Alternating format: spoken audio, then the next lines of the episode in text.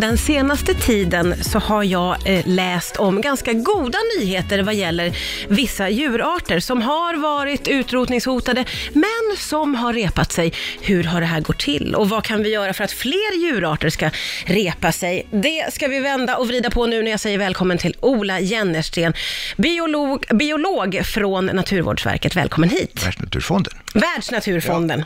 Du, eh, jag fick upp ögonen för det här när jag läste om pandorna och det var ganska länge sedan, för de har varit på någon akut lista Ja. och sen plötsligt tog man bort dem från den här listan och sa att nu har de repat sig lite. Ja. Och ganska nyligen eh, så kom samma nyheter om tigrarna och det här vet du mycket om.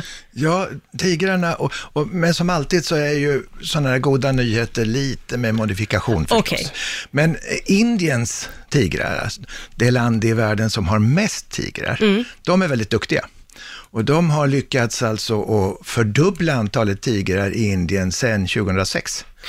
Och det är goda nyheter. Då undrar man ju, vad har de gjort för någonting för att Det- nå det- detta resultat? Det, det viktigaste, det, en bit är naturligtvis att man har vaktat dem, man har tagit hand om dem hela, de har en regering som vill att det ska finnas tigrar och då, finns, då, då sätter de till de ekonomiska medlen. Det finns en, en, en myndighet som bara jobbar med tigrar, Ah, okej. Tigermyndigheten. Ja. Eh, det finns kriminaltekniska laboratorier som bara försöker få tag i tjuvarna och de här tjuvjägarna eh, och, och lösa sådana här spännande gåtor, bända upp kriminella nätverk. Eh, och sen har man då ett system med naturreservat, tigerreservat heter de finaste, med massvis med olika eh, kriterier för att tigrarna ska, ska må bra. Eh, de har en stark medelklass i Indien som tycker om tigern som, som sitt nationaldjur. Det finns många alltså, eh, man vill ha dem. Ja. Eh, det Och anledningen till att de har försvunnit är alltså människan och tjuvjakt, om jag förstår det rätt. Nästan alltid är det ju människan som ligger bakom när det går neråt. I det här fallet så är det tjuvjakt, ja. Mm. Eh, och hur får man eh, opinionen på sin sida? Hur kommer det sig att alla har ställt sig bakom det här och, och vill ha tigrarna som jag kan tänka mig att man har varit rädd för i, genom åren? Ja, alltså det är nog något speciellt då i, i de länder där, det duk- där, där man har varit duktiga. Där, Indien så är det säkert någonting med religionen att göra, den här intresset för, för landet på olika sätt. Det går inte alls lika bra i Vietnam, Kambodja och, eh, och Laos, där de nästan är helt borta idag. Okej. Eh, där har man inte alls samma intresse.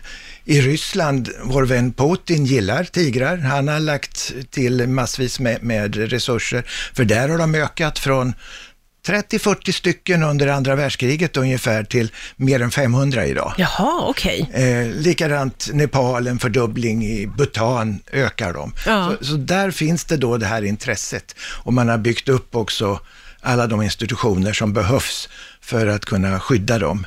Eh, med, med parkvakter som gör ett väldigt gott jobb där ute i skogen för att se till att tjuvjägarna får det besvärligt. Så med det här engagemanget och, och, och pengar och allt som behövs, så kan man, kan man rädda fler djurarter? Absolut är det så. Absolut är det så. Finns det någon djurart i Sverige som har varit illa ute? Ja, alltså den som jag tänkte på först är väl Upplands landskapsfågel, havsörnen. Ja, just det. Ja, den ser man nästan varenda dag idag. Men så har det inte... Så har det inte varit. Min gäst för dagen heter Ola Jennersten, är biolog från Världsnaturfonden och vi ska prata om en art som har varit hotad i Sverige. Det är havsörnen. Ja. Eh, för på 1800-talet så fanns det gott om havsörnar överallt. Eh, men så blev folk lite arga på dem. De trodde att de var en, en sån där rovfågel som åt upp saker och ting och började skjuta dem. Och det, det, jakten på dem var väldigt hård så de nästan gick ner i, ja det var inte många par kvar i Sverige. Eh, sen var de fridlysta och kom tillbaka fram till, vad ska vi säga, 60, 70, 80-tal när miljöskandalerna kom, DDT, PCB läckte ut i naturen och äggskalen vart allt mindre och deras eh, reproduktiva framgång gick ner till nästan noll. Då f- försvann nästan havsörnen igen. Ja. Så har de börjat klättra igen då. Och det beror på att människor har ställt upp för den. De har matat dem på vintrarna med, med giftfri mat. De har Ja, sett okej. till att boträden får vara i fred. Jättearbete har man gjort under, under många år. Och det har resulterat i att idag ser man den ja, nästan varje dag, åtminstone här i Stockholmstrakten. Ja. Det är ju Upplands landskapsfågel. Ja, ja, precis. Så, så det är jätteroligt. Och den har kommit tillbaka. Och det är också Ja. tack vare att människor har engagerat sig då. Absolut, Eh, absolut. för du sa det innan här, Ja. att det som vi förstör, det kan vi också rätta till. Ja, så är det. Om vi bara anstränger Om oss. vi bara anstränger, i- ibland måste man anstränga sig mer än annars, men, men så är det. Och, och i havsörnens fall då så har det där funkat. Vi har fått bort miljögifterna och eh, vi har hjälpt de fåglar som hade höga nivåer med miljögifter och, och sänka dem så att de kan lägga ägg och, och för- föröka sig på normalt sätt. Finns det någon annan art i Sverige nu som är väldigt hotad? Ja, det finns många. Alltså man kan säga generellt så, så är det de två stora näringarna, jordbruk och skogsbruk, eh, där vi har varit väldigt duktiga på att eh, eh, få ett, en, en, en eh, god produktion för oss människor. Men det har också gjort att det blir mindre plats för väldigt många arter. Så att i jordbrukslandskapet eh, så är det många av fåglarna exempelvis som bor där som har det besvärligt. Dels för, för och insekter. Tänk en humla som söker en växt i ett åkerlandskap där det knappast finns någon, någon nektarbärande växt någonstans. De får det besvärligt.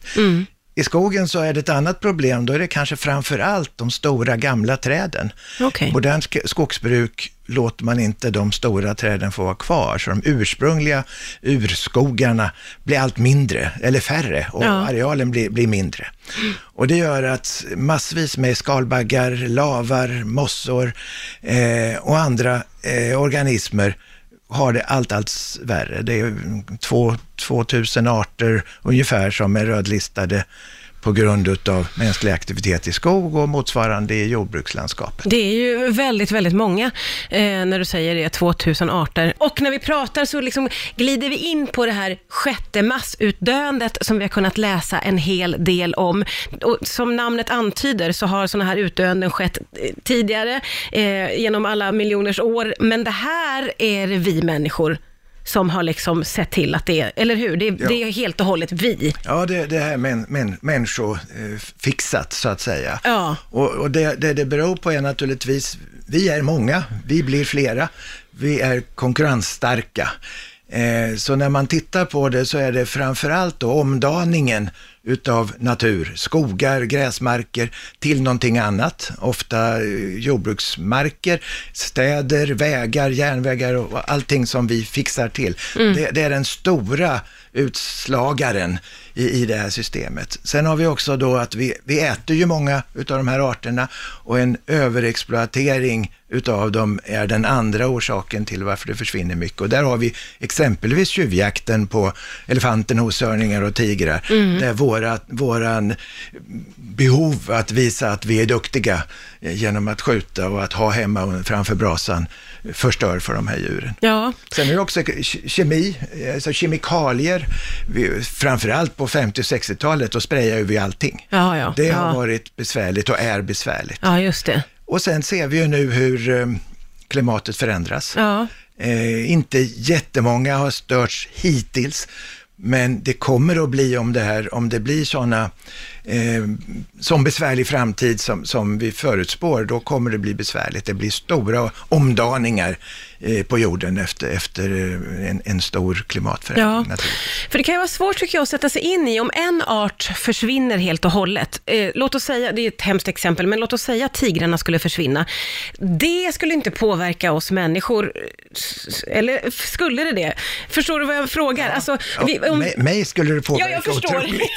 och jag vill inte att de ska försvinna. Men om en art försvinner så påverkar det oss inte direkt. Men om, som du säger, tusentals arter försvinner, då kommer det ju att påverka oss Då- då människor. kommer det, och det gör det ju alla redan på olika sätt. Vi har ju fått eh, ändra mm, beteende och det vi äter och annat på grund av att det blir svårare att få tag i. Så, att, så, att, så är det ju naturligtvis. Ja. Hur ser du på framtiden då? När vi pratar så får jag känslan av att framtiden ser mörk ut. Ja, alltså de siffror vi ser, alltså sen 1970 så har ungefär 60 procent av de individer som utgör eh, ryggradsdjur på jorden försvunnit. Eh, och det är ju jättemånga. Ja, det är det ju. Och när jag, när jag först hörde de siffrorna så trodde jag faktiskt inte på dem. Men, men har då naturligtvis blivit övervisat att så är fallet. Ja. Och, och kommer det att fortsätta, då känns det väldigt mörkt tycker jag i framtiden. Men då ligger det på oss att bryta. Då, ja, Då ligger det på oss. Vi har fixat till Ja. problemet, vi kan ta bort det genom att jobba hårt. Mm. Och det kan vi göra på många olika nivåer. Jag menar, du och jag kan fixa saker på balkongen i trädgården Mm. och så vidare.